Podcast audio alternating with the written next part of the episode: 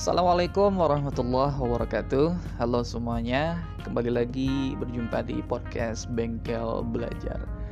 Di senior kali ini Aku akan menjelaskan tentang Apa sih yang harus ada di dalam sebuah sinopsis Yang akan kita ajukan sebagai judul skripsi. Jadi kenapa aku bikin konten ini? Karena ada beberapa teman-teman yang Tanya Via chat di WhatsApp Bang, gimana sih cara bikin sinopsis penelitian dan apa aja yang harus ada di dalamnya gitu. Nah, tapi mungkin yang akan aku jelaskan ini garis besarnya aja apa yang harus ada di dalam sinopsis itu sendiri dan apa yang harus kita lakukan untuk menyusun sinopsisnya supaya memang ideal dan bisa diterima secara ilmiah gitu. Tapi ini bisa jadi sifatnya relatif ya, karena tergantung dari masing-masing uh, institusinya. Bisa jadi pandangan kamu dengan pandangan dosenmu itu berbeda tapi it's okay. Secara garis besar saja akan aku ceritakan tentang atau aku jelaskan bagaimana sebenarnya isi sinopsis itu apa saja dan bagaimana cara kita atau apa saja yang harus kita lakukan di dalam menyusun uh, sinopsis itu. Oke okay. untuk gambaran umum ya uh, sebagai pengantar mengenai tentang sinopsis itu apa. Jadi kalau kita perhatikan skripsi itu dasarnya ada lima. Yang pertama adalah pendahuluan, yang kedua kajian teoritis atau kajian kepustakaan biasanya, dan yang ketiga adalah metodologi penelitian ini di bab tiga biasanya dan yang keempat penyajian data dan analisis dan yang kelima adalah kesimpulan jadi skripsi itu secara keseluruhan ada lima nih nah sinopsis itu ada di bab pertama, pendahuluan. Jadi, alasan-alasan kita kenapa ngelakuin sebuah penelitian dan kenapa judul itu yang kita pilih diletakkan di sana. Nah, sedangkan proposal penelitian itu bab 1, 2, dan 3. Kajian teoritisnya apa, kemudian bagaimana cara kita melakukan uh, secara metodologi penelitian ilmiahnya. Dan yang ke bab 4 ya, untuk yang kelima itu kan penyajian data, berarti kita udah penelitian. Nah, jadi sinopsis itu sebenarnya adalah gambaran umum dari bab satu kita. Isinya latar belakang, rumusan masalah kita apa. Ya walaupun nanti di tiap-tiap institusi ataupun tiap-tiap kampus bakal beda ya. Ada yang 6 subbab, ada yang 5 subbab. Kalau di alma materku itu ada 6 kalau nggak salah. Yang pertama latar belakang, kemudian identifikasi masalah, batasan masalah, rumusan masalah, tujuan penelitian dan kegunaan penelitian. Tapi secara garis umum sinopsis itu isinya adalah latar belakang, dan rumusan masalah. Jadi, kenapa kita mau melakukan penelitian itu dan apa yang menjadi pertanyaan kita dari latar belakang tersebut untuk dijawab melalui penelitian. Nah, itu yang harus kita pahami dulu tentang sinopsis itu apa. Kemudian, yang berikutnya adalah isi dari latar belakang itu apa aja, ya kan? Nah, kalau aku, ini menurutku ya, setelah mengalami bertahun-tahun belajar soal metodologi penelitian, aku menangkap bahwasanya ada empat bagian pokok di dalam uh, latar belakang itu sendiri. Empat hal yang harus ada dan ini nggak bisa enggak gitu. Yang pertama adalah teori dari variabel yang akan kita teliti, tapi sifatnya masih umum. Ini sih gambaran temanya. Dan yang kedua adalah teori khususnya yang lebih ataupun sudah mengarah ke spesifik terhadap teorinya. Dan yang ketiga adalah permasalahan yang kita temukan di lokasi yang akan kita jadikan lokasi penelitian. Dan yang keempat adalah rumusan masalah secara umum itu dan ini menggambarkan judul penelitiannya. Oke. Kita bahas satu-satu dulu. Ini aku akan bahas dengan ringkas dan sepadat mungkin. Jadi biar kita lebih mudah memahaminya secara sederhana ya. Yang pertama adalah teori secara umum. Di sini pada paragraf-paragraf awal, biasanya sih paragraf 1, 2 dan 3 dalam hal ini biasanya kalau kita pakai margin 4433 itu halaman pertama tok itu kita menjelaskan tentang teori secara umum. Jadi misalnya nih, aku ambil contoh bahwasanya aku adalah seorang mahasiswa di Fakultas Ilmu Pendidikan. Dan aku pengen neliti tentang motivasi belajar. Ada nggak sih pengaruh motivasi belajar terhadap prestasi belajar misalnya? Nah di situ kalau di latar belakang berarti kita harus menjelaskan dulu tentang pendidikan itu apa. konteks umumnya dulu, teori secara umum. Jadi kalimat yang bisa dipakai sih biasanya pendidikan adalah upaya sadar dan terencana yang kita gunakan untuk bla bla bla bla bla. Kasih catatan kakinya atau kasih uh, body mungkin uh, pokoknya catatan referensinya. Dari mana kalimat itu datang pada kita?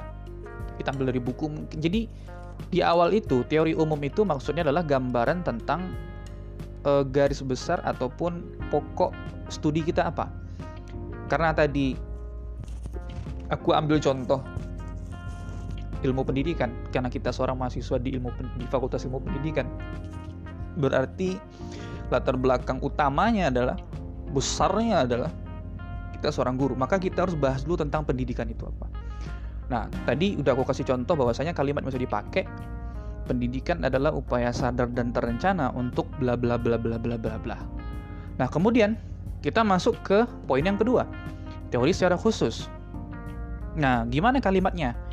Salah satu faktor yang dapat mempengaruhi kesuksesan penyelenggaraan pendidikan itu adalah motivasi belajar. Motivasi belajar adalah bla bla bla bla bla. Jelasin secara khusus. Nah, jadi yang pendidikan itu umumnya motivasi belajar adalah aspek khusus di dalam pendidikan itu yang menjadi variabel yang akan kita teliti. Jadi ada ada pengerucutan dari yang umum ke khusus untuk memudahkan pembaca memahami uh, alur dari pemikiran ataupun alur dari kerangka teoritis dari variabel penelitian kita. Oke. Okay? Jadi jelaskan. Nah, di dalam pendidikan salah satu faktor yang dapat mempengaruhi kesuksesan penyelenggaraannya adalah motivasi belajar. Motivasi belajar yaitu adalah bla bla bla bla bla, jelasin. Ya kan? Nah, pentingnya motivasi belajar adalah dengan termotivasinya siswa dalam mengikuti kegiatan belajar akan membuat mereka bersemangat untuk mengerjakan tugas-tugas, menyerap ilmu pengetahuan, menghadiri kelas sehingga dengan begitu hasil belajar yang didapatkan oleh mereka akan bagus. Nah, dalam hal ini dapat kita simpulkan bahwa motivasi belajar mempengaruhi motivasi belajar.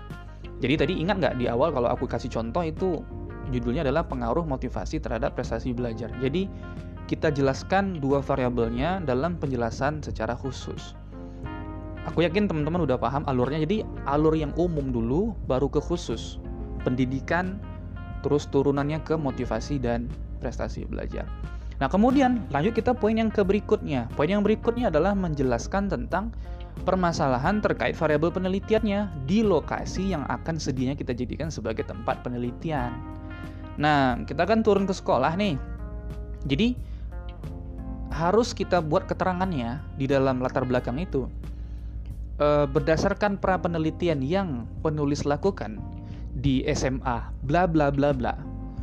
Ditemukan bahwa motivasi belajar siswa secara umum sudah tergambar dengan baik. Hal ini tampak dari 1, 2, 3, 4. Apa hasilnya? Mungkin kita observasi, kita ngelihat motivasi belajar mereka itu bagus dari poin-poin ini. Oh, mereka datang tepat waktu. Oh, mereka masuk kelas uh, nggak terlambat. Oh, mereka bikin tugas dan mengumpulkannya nggak pernah belakangan, selalu duluan gitu. Dan lain-lain. Tapi tentu saja indikator itu harus secara teori. Ya, Uh, jadi jelaskan dulu permasalahan uh, kondisi di lokasi penelitian seperti apa. Nah, kita lanjutkan nih.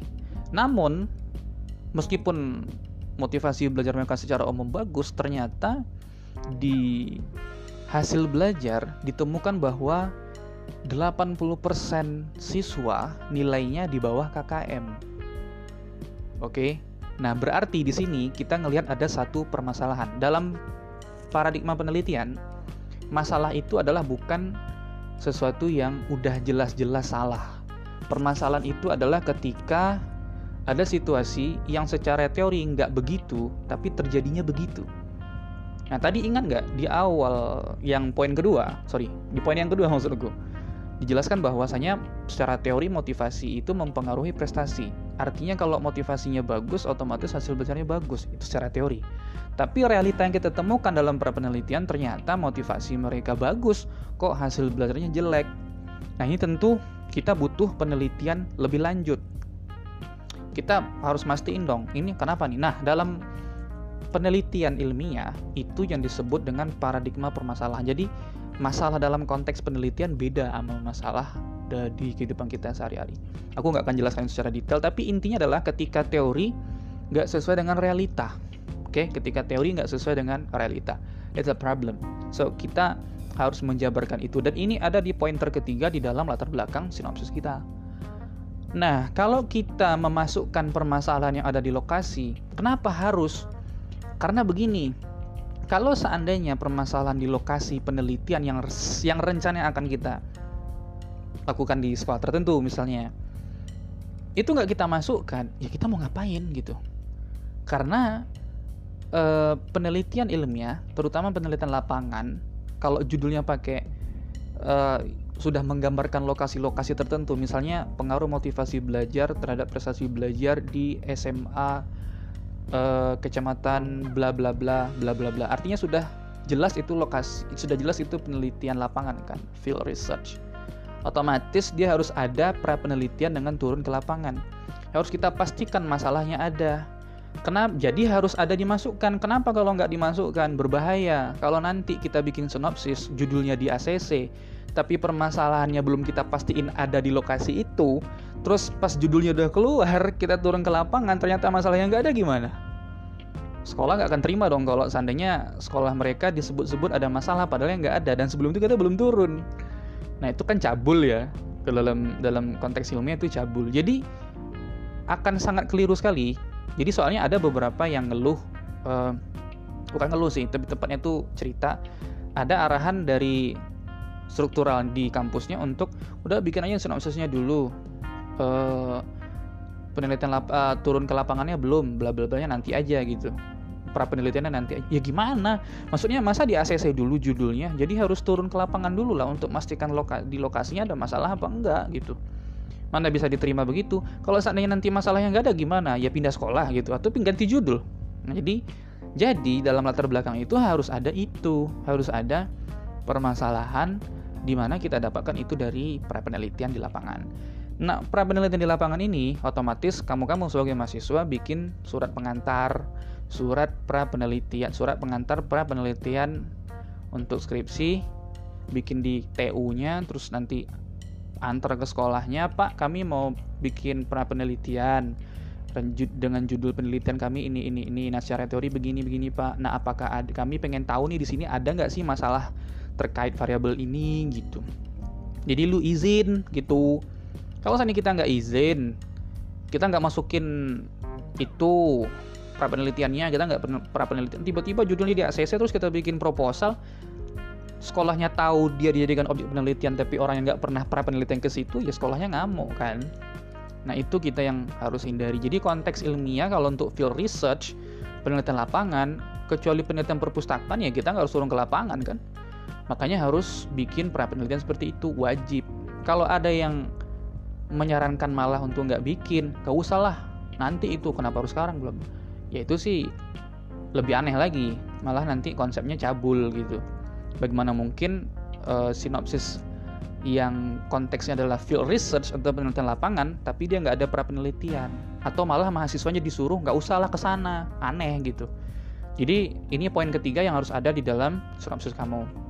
Yaitu hasil pra penelitian dengan turun ke lapangan kamu cek di sana permasalahannya ada apa enggak. Observasi mungkin ngamati kegiatan belajarnya kayak gimana mungkin selama tiga kali pertemuan kamu amati. Terus kamu observasi uh, selain kelasnya juga mungkin aktivitas yang lain. Atau mungkin juga kamu wawancarai gurunya kamu wawancarai siswanya dan segala macamnya lah. Yang mendukung uh, ditemukannya ada masalah apa enggak gitu. Nah ini poin yang ketiga. Nah yang keempat isi yang keempat dari latar belakang itu adalah penegasan apa yang akan kamu lakukan. Biasanya sih kalimatnya uh, berdasarkan hasil pra penelitian di atas, idealnya motivasi siswa itu bagus. Eh, idealnya adalah motivasi siswa itu akan mempengaruhi hasil belajarnya yang juga akan sama-sama bagus. Tapi kenyataannya berdasarkan pra penelitian tersebut justru ditemukan kebalikannya. Ada paradoks di mana eh, motivasi siswa bagus tapi hasil belajarnya jelek. Maka hal ini mendorong peneliti atau penulis untuk melakukan suatu penelitian yang terukur dan lebih sistematis untuk mengetahui adakah pengaruh motivasi belajar terhadap prestasi belajar di SMA atau di SMP atau di SD bla bla bla bla. Itu poin yang keempat. Jadi secara umum latar belakang itu ada empat poin ya. Yang pertama teori umum bahwasanya konteks kita pendidikan, kemudian teori khususnya turunkan ke variabel, turunkan ke variabel yang akan kita jadikan sebagai uh, penelitiannya. Dan yang berikutnya lampirkan permasalahan di lokasi penelitian terkait teorinya apa harus ada kalau misalnya kita memang field research. Kalau bukan field research ya nggak perlu turun juga gitu. Dan yang berikutnya adalah uh, penegasan apa yang akan kita lakukan dengan permasalahan tersebut. Oke, mudah-mudahan teman-teman bisa paham apa yang aku sampaikan. Jadi itu latar belakang dari uh, sinopsis kita harus ada poin-poin tersebut. Buat teman-teman yang butuh bimbingan atau butuh arahan untuk pengajuan judul skripsinya, boleh kontak kami di Bengkel Belajar. Uh, kita bisa bantu. Kita dari Bengkel Belajar hari ini sudah buka layanan untuk uh, bagi mahasiswa yang butuh bantuan tersebut. Uh, tentunya dengan kos yang nggak terlalu mahal untuk mahasiswa ya. Jadi kita akan bantu bimbing, arahkan. Uh, kita bukan membuatkan ya, tapi lebih mengarahkan dan jadi teman konsultasi dan teman diskusi. Mudah-mudahan layanan bermanfaat dan uh, dan ada yang tertarik untuk join ya, biar kita bisa saling bantu. Demikian, terima kasih. Assalamualaikum warahmatullahi wabarakatuh.